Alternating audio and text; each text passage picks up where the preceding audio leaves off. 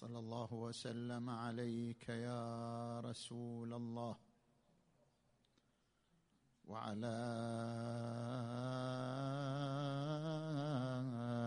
أهل بيتك المنتجبين يا ليتنا كنا معكم فنفوز فوزا عظيما.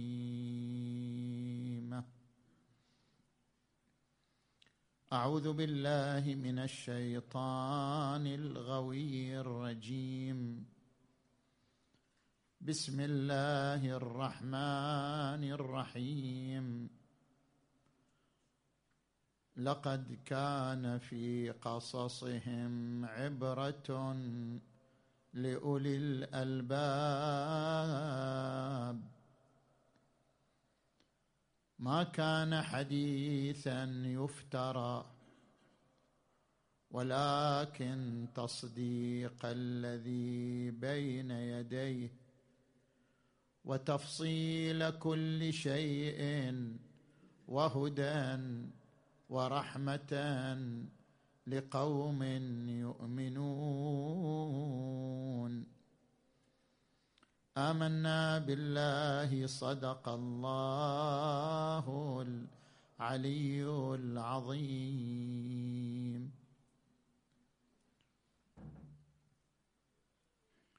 انطلاقا من الآية المباركة نتناول محاور ثلاثة. في قراءة التاريخ وفي أبعاد تحليل مسيرة التاريخ وفي أهداف وقيم الحركة الحسينية. نأتي للمحور الأول. كيف نقرأ التاريخ؟ في علم الاجتماع هناك ثلاثة أساليب لقراءة التاريخ. علم التاريخ ومنهج البحث التاريخي وفلسفة التاريخ. علم التاريخ كما ذكر ابن خلدون في مقدمته هو فن تدوين الأحداث بشكل متسلسل. مثلا عندما نرجع إلى سيرة النبي الأعظم صلى الله عليه وآله كيف نتلو سيرة النبي بشكل متسلسل من يوم ولادته إلى يوم وفاته؟ ربط الأحداث وتلاوتها بشكل متسلسل هو المعبر عنه بعلم التاريخ. الأسلوب الثاني منهج البحث التاريخي. منهج البحث التاريخي هو عبارة عن ربط الماضي بالحاضر. ما هو أثر التاريخ على العالم الحاضر؟ ما هو أثر التاريخ على الواقع المعاصر؟ مثلا عندما نبحث ما هو أثر التاريخ الأموي والدولة الأموية على تراث الإسلام إلى يومنا هذا؟ لم تمر حقبة تاريخية كان لها أثر على التراث الإسلامي كما مرت في الحقبة الأموية. التاريخ الأموي وضع بصماته بشكل واضح أكثر من تاريخ العباسيين أكثر من تاريخ العثمانيين. تاريخ الأموي وضع بصماته بشكل واضح على التراث الإسلامي كله. وصار له انعكاسات على التراث الإسلامي إلى يومنا هذا. فعندما نربط الماضي وهو التاريخ الأموي بالحاضر وهو التراث الإسلامي الموجود بين أيدينا هذا يسمى بمنهج البحث التاريخي. حتى أشرح لك هذه النقطة الأمويون اعتمدوا على مصطلحين علم الجهل والتأطير الإعلامي. علم الجهل شلون يعني الجهل؟ يصير علم. كيف يتحول الجهل إلى علم؟ علم الجهل. يذكر الباحث النفسي الشهير روبرت بروكتر. يقول هناك مصطلح اسمه علم الجهل. علم الجهل يعني صناعة الجهل وتحويل الجهل إلى ثقافة ونشره وترسيخه. هو جهل لكن نحوله إلى ثقافة وننشره ونرسخه هذا يسمى بعلم الجهل. مثلا من بعض الأمثلة تلاحظ مثلا مصممو الإعلانات والدعايات في شركات التبغ استطاعوا أن ينشروا ثقافة الجهل بخطر التدخين. يعني استطاعوا من خلال استراتي استراتيجياتهم أن يزرعوا الشكوك في أبحاث علمية موثقة تربط التدخين بالسرطان. استطاعوا أن يشككوا فيها. وأن يصنعوا أبحاث علمية مزيفة عن أهمية التبغ ودخالته في تقويم صحة الإنسان. هذا يسمى علم الجهل. كيف انت تنشر الجهل وتحوله إلى ثقافه. مثلا شركة كوكا كوكا كولا دفعت ملايين الدولارات إلى باحثين أكاديميين ليكتبوا بحوثا عن أن المشروبات الغازية لا تسبب السمنة بل هي صالحة لصحة الإنسان. هذا يسمى صناعة الجهل علم الجهل. زين؟ عندك مصطلح آخر مصطلح التأطير الإعلامي. كيف يعني التأطير الإعلامي؟ يعني الآن والتر ليبمان هذا أيضا عالم نفسي كبير عند كتاب الرأي العام نشره عام 1922 يعني قديم جدا. كيف يستطيع الإعلام والصحافة أن يغيروا ثقافة الناس؟ تغيير ثقافة الجمهور بالتلاعب بالكلمات فقط. كلمات تتلاعب بها تتغير ثقافة الجمهور. يعني مثلا بدل أن تقول هناك مظاهرات تقول هناك ثورة. غيرت الثقافة. من مظاهرة إلى ثورة. بدل أن تقول خسر الفريق الفلاني أو النادي الفلاني في اللعبة تقول سقط الفريق الفلاني. سقط يعني ما إلى رجعة مرة أخرى. بدل أن تقول فلان إرهابي مثلا الدواعش إرهابيون تقول هؤلاء أبطال ثوار. تلاعب بالكلمات يؤثر على ثقافة الجمهور. زين؟ الأمويون اعتمدوا على هذين المصطلحين.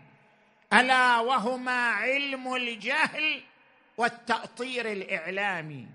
لاحظ الأمويون كرسوا تاريخهم على تضعيف شخصية النبي الأعظم محمد صلى الله عليه وآله.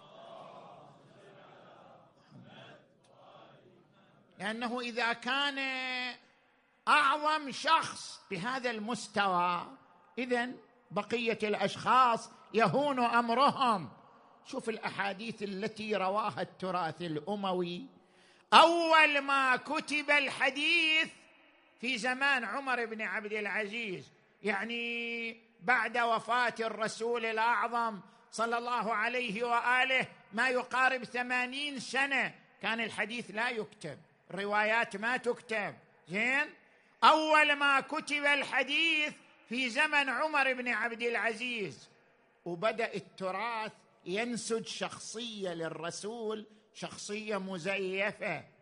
شوف مثلا من الأحاديث أن الرسول الأعظم صلى الله عليه وآله لما انقطع عنه الوحي صعد على جبل أبي حراء وأراد أن ينتحر. يعني بهذا المستوى كانت شخصيته ضعيفة مهزوزة من الداخل حتى أراد أن ينتحر حينما انقطع عنه الوحي. زين؟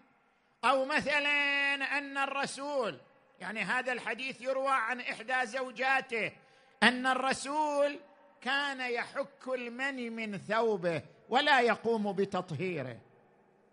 يعني إلى هذا المستوى هو الرسول. يعني بما يتنافى حتى مع الذوق الإنساني فضلا عن القضايا الأخرى. مثلا من الروايات أن الرسول الأعظم صلى الله عليه وآله نهى المسلمين عن تأبير النخل. تأبير النخل يعني تلقيح النخل. نهاهم. فلما نهاهم عن التأبير خرج الثمر شيصا. يعني رطب ما تولد رطب. خرج شيصا فاشتكوا إليه قالوا يا رسول الله أنت نهيتنا عن تأبير النخل. وخرج الثمر شيصا. اعتذر الرسول قال أنتم أعرف بدنياكم. يعني أنا هذا خطأ صدر مني وأنتم أعرف بدنياكم. هذا التراث يقلل من قيمة النبي صلى الله عليه وآله. ويظهره بهذا المستوى السخيف من الثقافة ومن المعرفة. هكذا عمد التاريخ الأموي من خلال الوسائل الإعلامية التي لديه أن يزرع البصمات في التراث الإسلامي إلى يومنا هذا في تقليل شخصية النبي الأعظم صلى الله عليه وآله. فإنت من تدرس كيف أثر الأمويون على تاريخنا نحن المسلمين؟ هذا يسمى بمنهج البحث التاريخي. نجي إلى الأسلوب الثالث ألا وهو فلسفة التاريخ. فلسفة التاريخ هناك في علم الاجتماع فرق بين العلم والمعرفة. شنو الفرق بين العلم والمعرفة؟ العلم هو جمع معلومات. كل إنسان يحمل معلومات في الطب في الهندسة في اللغة. هذا يسمى عالم لديه علم. أما المعرفة تختلف عن العلم. المعرفة هي أن تجيب على أسئلة ثلاثة. ما هو؟ كيف هو؟ لماذا هو؟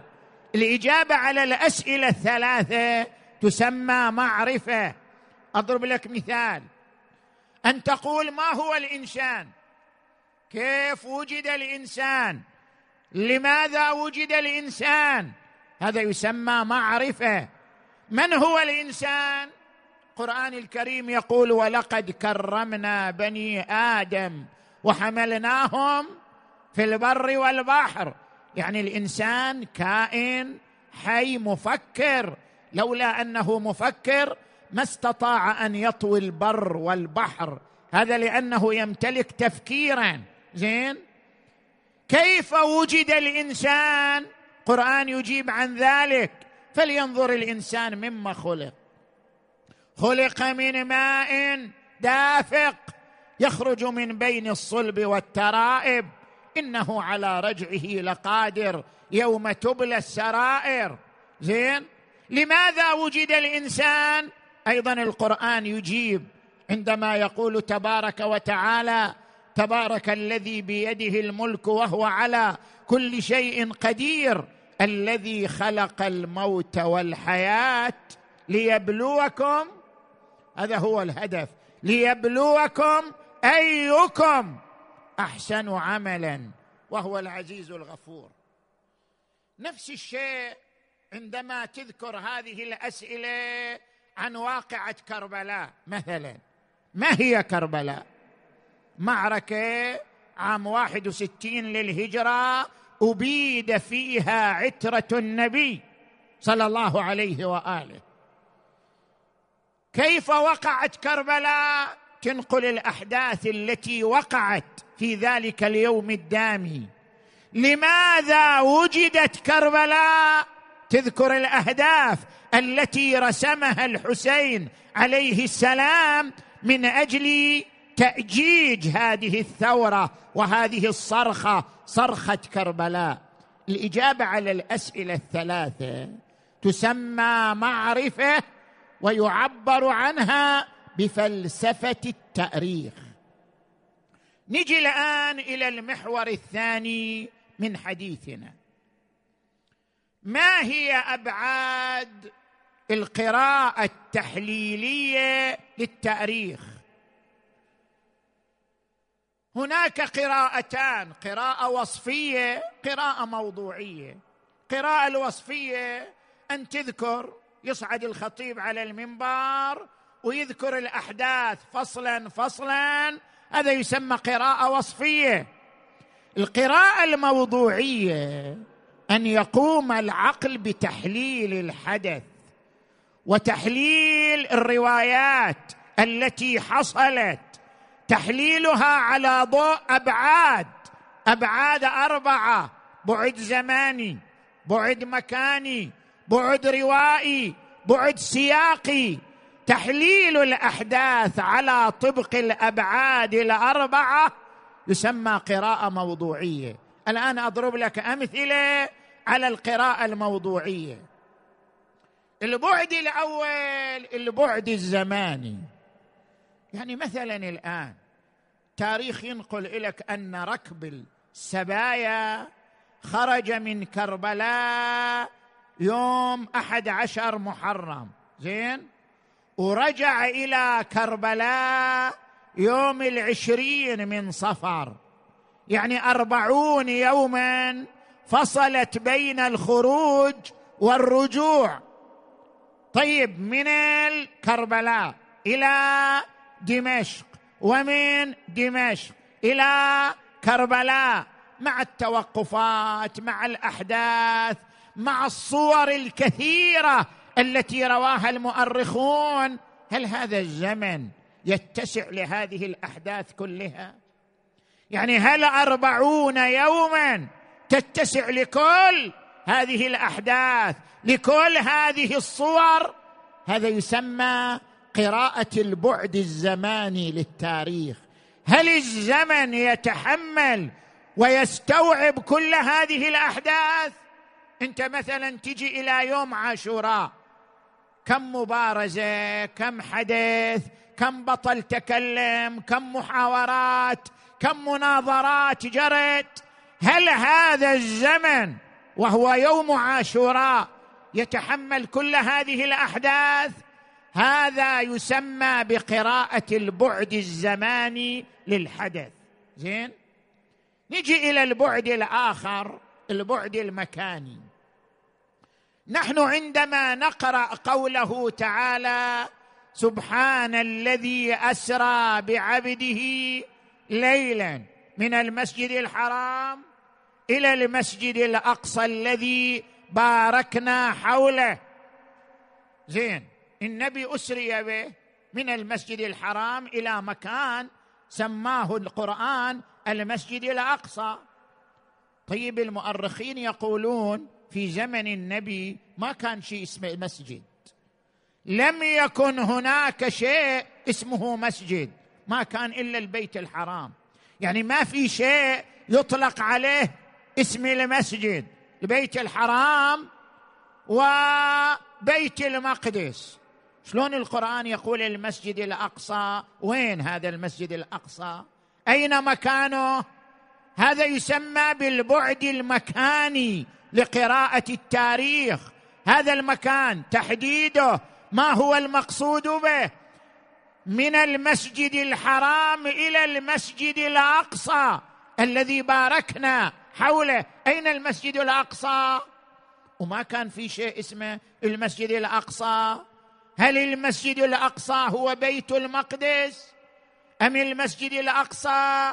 كما في بعض الروايات هو مسجد الكوفة. وأن النبي أسري به إلى مسجد الكوفة. تحديد المكان قراءة مهمة في القراءة الموضوعية للتاريخ. تيجي إلى المثال الرابع ألا وهو البعد الروائي. البعد الروائي يعني كل حدث مشهور يقتضي أن تكثر رواته لأنه مشهور ما يصير حدث مشهور يرويه شخص واحد. كيف يرويه شخص واحد؟ وهو حدث خطير مشهور. الأحداث الخطيرة الأحداث العظيمة بطبيعة الحال يرويها عدة مؤرخين. ما يرويها شخص واحد؟ مثلا يوم الغدير. يوم الغدير يوم عظيم خطير بمدلولاته. يوم جعل الله النبي فيه الإمام أمير المؤمنين بتنصيب من الله تعالى إماما للمسلمين. وقال من كنت مولاه فهذا علي مولاه. اللهم وأل من والاه وعاد من عاداه. وانصر من نصره واخذل من خذله. هذا الحدث العظيم رواه العشرات. أجمع المؤرخون والمحدثون على واقعة يوم الغدير. الحدث عظيم كثر رواته. تجي إلى حدث آخر مثلا صلح الإمام الحسن لمعاوية. هذا حدث أيضا خطير وعظيم. الإمام الحسن صالح معاوية بن أبي سفيان واعتزل الحكم وخرج من العراق إلى المدينة. هذا الحدث العظيم. أيضا لابد أن تكثر رواته ويكثر المؤرخون في نقله. بينما تجي إلى حديث يرويه البخاري ويرويه في السنن الكبرى عن النبي محمد.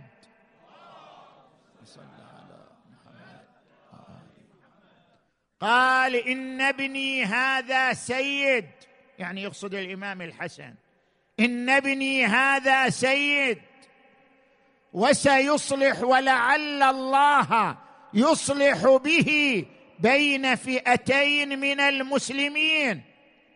وفي رواية السنن الكبرى بين فئتين عظيمتين من المسلمين. هذا الحديث عندما يقول فئتين وفئتين عظيمتين يعني كما أن الحسن يمثل فئة عظيمة معاوية أيضا. يمثل فئة عظيمة من المسلمين. يعني هذا تصوير جميل لشخصية معاوية بن أبي سفيان. ولعل الله يصلح به بين فئتين من المسلمين عظيمتين. يعني معاوية أيضا يمثل فئة عظيمة من المسلمين. طيب إذا هذا الحدث فعلا كبير وخطير المفروض تكثر رواته. بينما رواه أبو بكر في صحيح البخاري ورواه جابر في رواية ضعيفة. فمن تقيم الروايات تجدها قليلة وضعيفة. هذا يكشف عن أن الحديث حديث موضوع لا قيمة له وإلا مثل هذا الحدث الخطير. إذا الرسول يتكلم عنه عن هذا الحدث الخطير في زمانه لازم ذلك أن تكثر الرواة والمؤرخون له. مو يرويه اثنان برواية ضعيفة. هذا البعد الروائي. نجي إلى البعد السياقي. هل الحدث ينسجم مع سياق الأحداث أو لا ينسجم مع سياق التاريخ؟ أضرب لك مثال. السيد المرتضى علم الهدى. أحد علمائنا الأعلام له كتاب تنزيه الأنبياء. في كتاب تنزيه الأنبياء يتعرض إلى كل الآيات والروايات التي لا تنسجم مع عصمة الأنبياء ويقوم بمناقشتها وتحليلها. يذكر هذه الرواية. اسمع هذه الرواية. أن الحسين ابن علي عليه السلام اجتمع مع عمر بن سعد ليلة العاشر من المحرم في على أرض كربلاء. اجتمع مع عمر بن سعد في خيمة واحدة. وكان العباس بن علي حاضر والاكبر علي الاكبر أيضا حاضر في المحاورة بين الحسين وبين عمر بن سعد. فقال الحسين عليه السلام لعمر بن سعد إني أخيركم بين ثلاث. أنتم اختاروا. قال لهما عمر بن سعد ما هي؟ قال إما أن تتركوني أرجع إلى مأمني يعني إلى البلد الذي أتيت منه. أرجع إلى المدينة تنتهي المشكلة. وإما أن تسيروني إلى ثغر من ثغور المسلمين بلد آخر. اليمن فلسطين أي مكان. فأكون رجلا من المسلمين. لي ما للمسلمين وعلي ما عليهم. تنتهي المشكلة بيني وبينكم. وإما أن تأخذوا بي إلى ابن عمي يزيد بن معاوية. فأضع يدي في يده ويرى في ما يرى. عمر بن سعد كتب إلى عبيد الله بن زياد إن الحسين يريد الصلح. وقد أطفأ النائرة. انتهت النائرة. عبيد الله بن زياد وصل إلى الخبر قال لا لا ابدا هيهات. أما وقد علقت مخالبنا به خلاص إحنا حزناه وصلنا إليه.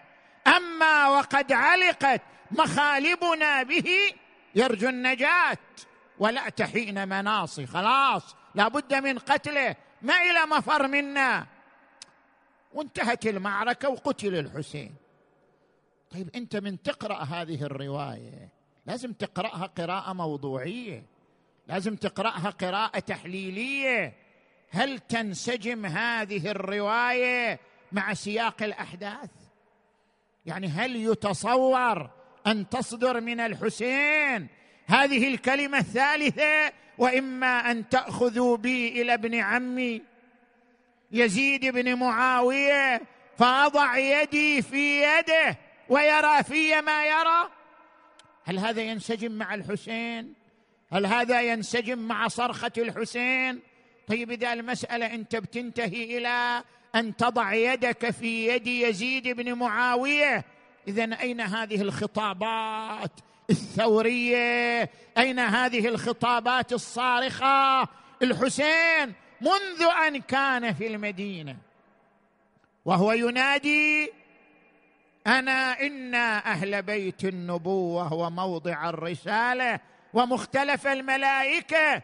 ويزيد رجل فاسق شارب للخمر قاتل للنفس المحترمة ومثلي لا يبايع مثله. وفي مكة يصر على الخروج ويقول ما خرجت أشرا ولا بطرا ولا مفسدا ولا ظالما وإنما خرجت لطلب الإصلاح في أمة جدي. لما وصل إلى منطقة زرود بين الحجاز وبين العراق جاءه خبر مسلم قال له مسلم قتل وانتهت ماكو أحد معك في الكوفة. وقال له الفرزدق قلوبهم معك وسيوفهم عليك. ومع ذلك أصر على مواصلة المسير. قال لابد من المسير.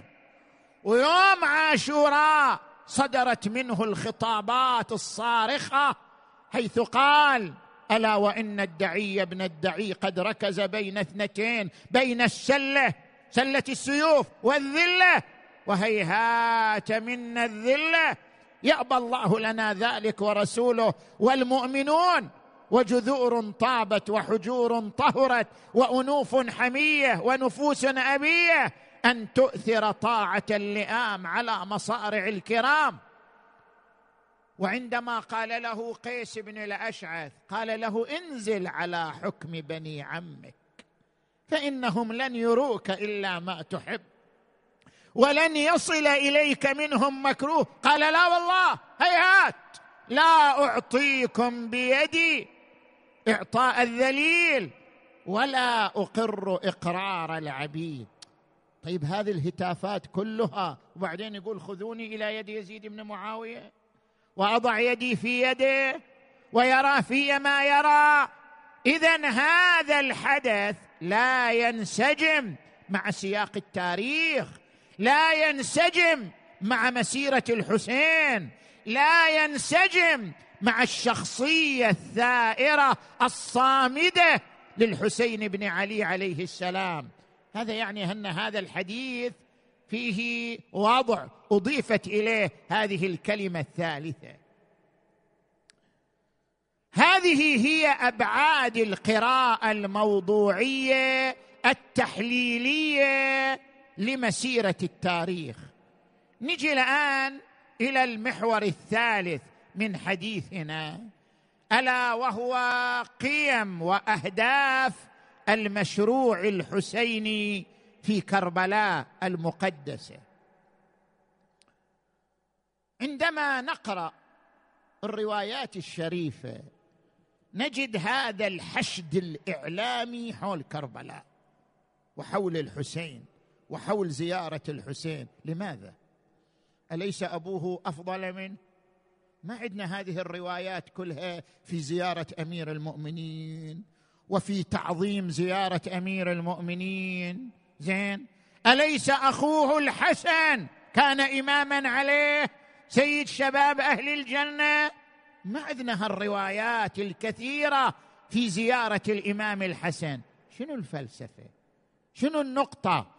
لماذا كل هذا الحشد من الروايات على كربلاء على زيارة الحسين عليه السلام دون بقية الأئمة دون بقية المعصومين؟ لماذا؟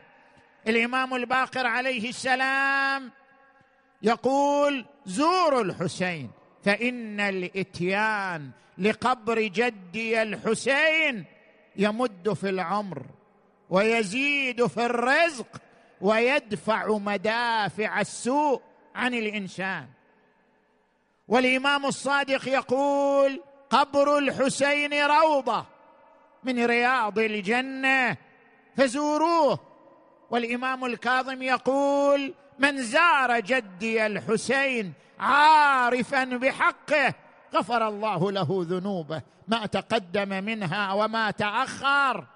والإمام الرضا يقول من زار قبر جدي الحسين كان كمن زار الله في عرشه. يعني وصل إلى مقام أقدس مقام أعلى.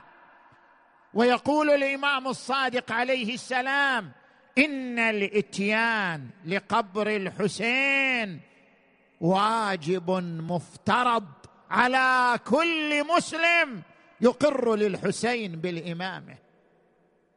هذا الحشد كله لماذا؟ لماذا ما وردت مثل هذه الروايات في زيارة أمير المؤمنين في زيارة الإمام الحسن في زيارة غيرهم من الأئمة المعصومين؟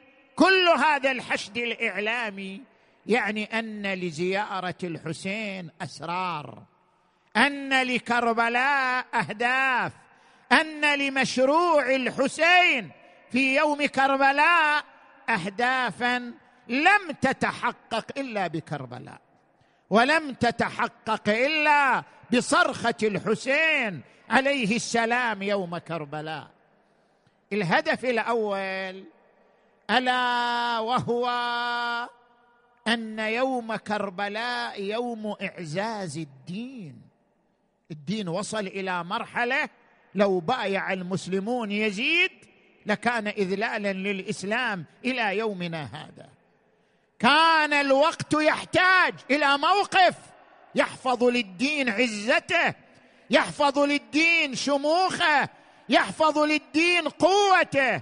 وكان ذلك هو موقف الحسين عليه السلام حيث قال والله لا أعطيكم بيدي إعطاء الذليل ولا أقر إقرار العبيد. ولله العزة ولرسوله وللمؤمنين. هذا الهدف الأول. الهدف الثاني يوم كربلاء تربية للمسلمين على رفض الظلم والجور. يحتاج المسلمون إلى تربية عملية. صحيح القرآن أحاديث النبي وردت تأمر المسلمين بنبذ الظلم بمواجهة الجور. لكن هذه كلها توصيات وأحاديث. المسألة تحتاج إلى موقف عملي. موقف عملي يربي المسلمين على رفض الظلم والجور ومواجهتهما. وكان هذا الموقف العملي موقف الحسين يوم كربلاء.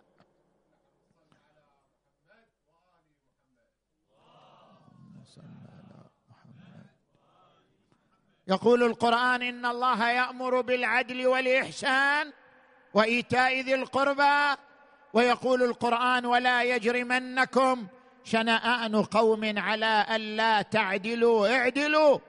هو أقرب للتقوى والحسين يطبق القرآن تطبيقا عمليا يوم كربلاء. ألا ترون إلى الحق لا يعمل به؟ وإلى الباطل لا يتناهى عنه؟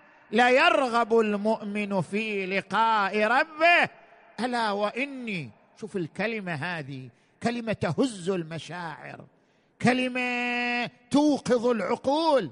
شلون الإنسان يصمم يقدم حتى اطفاله للموت حتى أولاد أفلاذ كبده يقدمهم للشهادة. ألا وإني زاحف بهذه الأسرة كلها. ألا وإني زاحف بهذه الاسره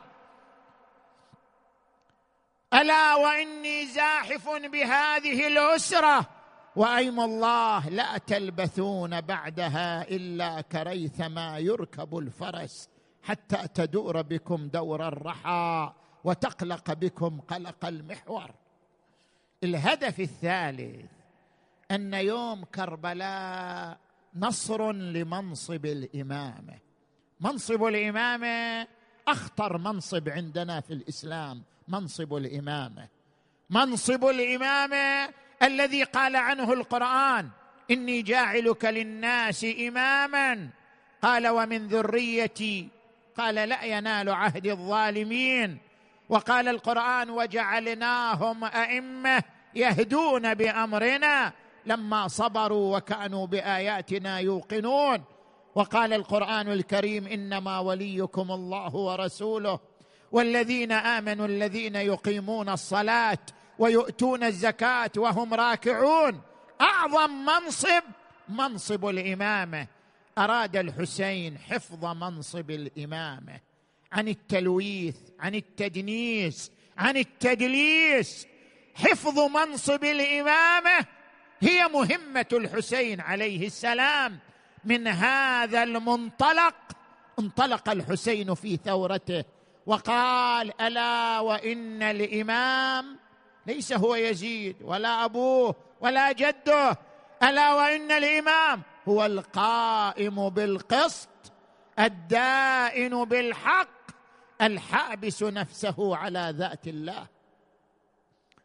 الهدف الرابع من أهداف يوم كربلاء فضيحة الجريمة الأموية. ترى ما ارتكبت جريمة في التاريخ من يوم آدم إلى يومنا هذا كجريمة الأمويين يوم كربلاء. تتصور أن عترة النبي كلها ابيدت كلها.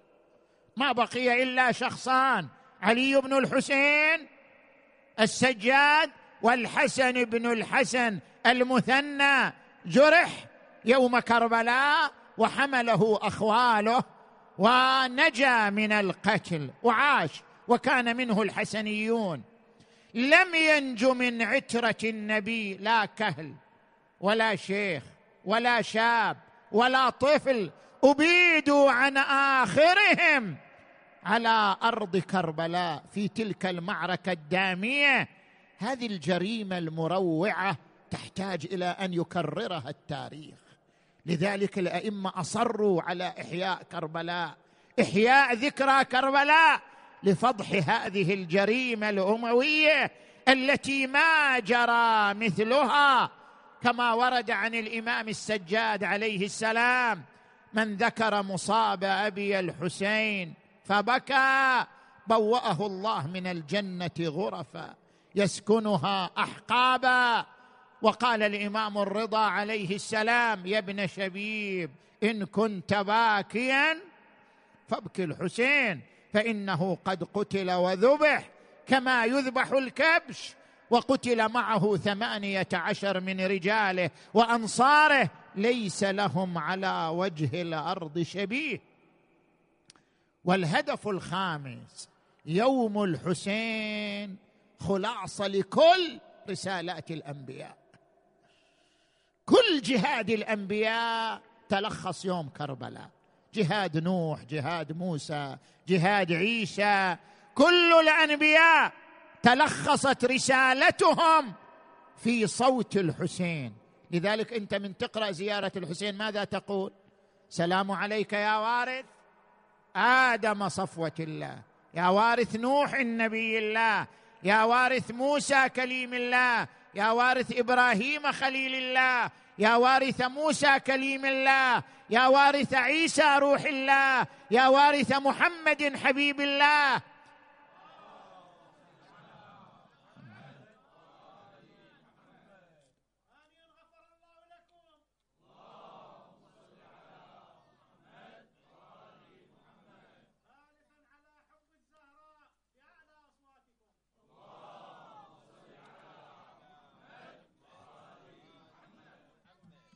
كل رسالات الأنبياء تلخصت في الحسين. فكان الحسين وارث الأنبياء. جسد رسالاتهم وبطولاتهم بموقفه الصارخ الثائر على أرض كربلاء.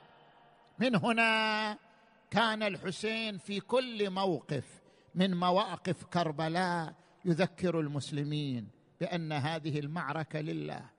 هذه هي معركة السماء. ها هي معركة السماء. ها هي معركة الحق ضد الباطل. ليس لنا هدف إلا هدف إلهي. عندما قتل الطفل الرضيع رمى بدمه إلى السماء وقال هون ما نزل بي. أنه بعين الله يعني أنا مرتبط بالله ما يتغير موقفي. كل ما يجري علي فهو لله. إلى أن سقط من على فرسه مغشيا عليه والدم يشخب من جسده خضب به لحيته خضب به رأسه وخر وهو يقول اللهم رضا بقضائك وتسليما لأمرك. يا غياث المستغيثين. إلهي تركت الخلق طرا. في هواك وأيتمت العيال لكي أراك. فلو قطعتني في الحب إربا لما مأل الفؤاد. إلى سواك نعم هذه الأيام أيام زيارة الأربعين. أيام زيارة الحسين. إحنا أيضا نقرأ زيارة الحسين بما ورد على لسان الإمام الحجة. عجل الله تعالى فرجه الشريف. يقول يا جداه يا أبا عبد الله فسقطت على الأرض صريعا. تطأك الخيول بحوافرها وتعلوك الطغاة ببواترها وقد رشحا للموت جبينك واختلفت بالانبساط والانقباض شمالك ويمينك. تدير طرفا خفيا بينك وبين مخيمك وأهليك ورجع الجواد للمخيم محمحما شاردا مناديا الظليمة الظليمة. من أمة قتلت ابن بنت نبيها ماذا جرى؟ إمامك الحجة يخبرها. فلما رأينا النساء جوادك مخزيا والسرج عليه ملويا خرجنا من الخدور. للخدود لاطمات وإلى مصرعك مبادرات. يا جواد الحسين أين حسين؟ أين من كان لي عمادا ظلالا؟ وصلنا النسوة حول جسد الحسين ها؟ ماذا جرى؟ يقول حج هاشم الكعبي فواحدة تحنو عليه تضمه. وأخرى تفديه وأخرى تقبله وأخرى بفيض النايح تصبغ شعره وأخرى عليه بالرداية تظلل وأخرى على خوف تلوذ بجنبه وأخرى لما قد نالها ليس تعقل بعد وجاءت لشمر زينب ابنته. تقول له يا تقول له يا شمر بالله دخلي. دخلي وما شافه من الطبرات يكفي. اي والله دي شوف يلوج ما غير النفس بي. بعيننا يا بيفتحها يا يا يا يا يا ويغمى يا يا يا يا خايب خل أخوي حسين ساعة. ساعة يا غمض له ومد الموت. باع ما هو شمامة الحلوة. اطباع يدخل براح روح حسين. حسين تظهر. غسلوه ولا لفوه في كفن يوم الطفوف ولا مدوا عليه رداء يا الله اللهم بالحسين الوجيه وجده وأبيه وأمه وأخيه والتسعة من بنيه اللهم اغفر ذنوبنا واستر عيوبنا وتقبل أعمالنا واشف مرضانا ومرضى المؤمنين والمؤمنات خصوصا المرضى المنظورين واقض حوائجنا وحوائج المؤمنين والمؤمنات. وفقنا والمؤسسين والمؤمنين لما تحب وترضى. اللهم عجل فرج وليك وابن أوليائك واكتب له النصر والظفر واجعلنا من أنصاره وأعوانه. وإلى أرواح أمواتكم وأموات المؤمنين والمؤمنات الفاتحة. الصلاة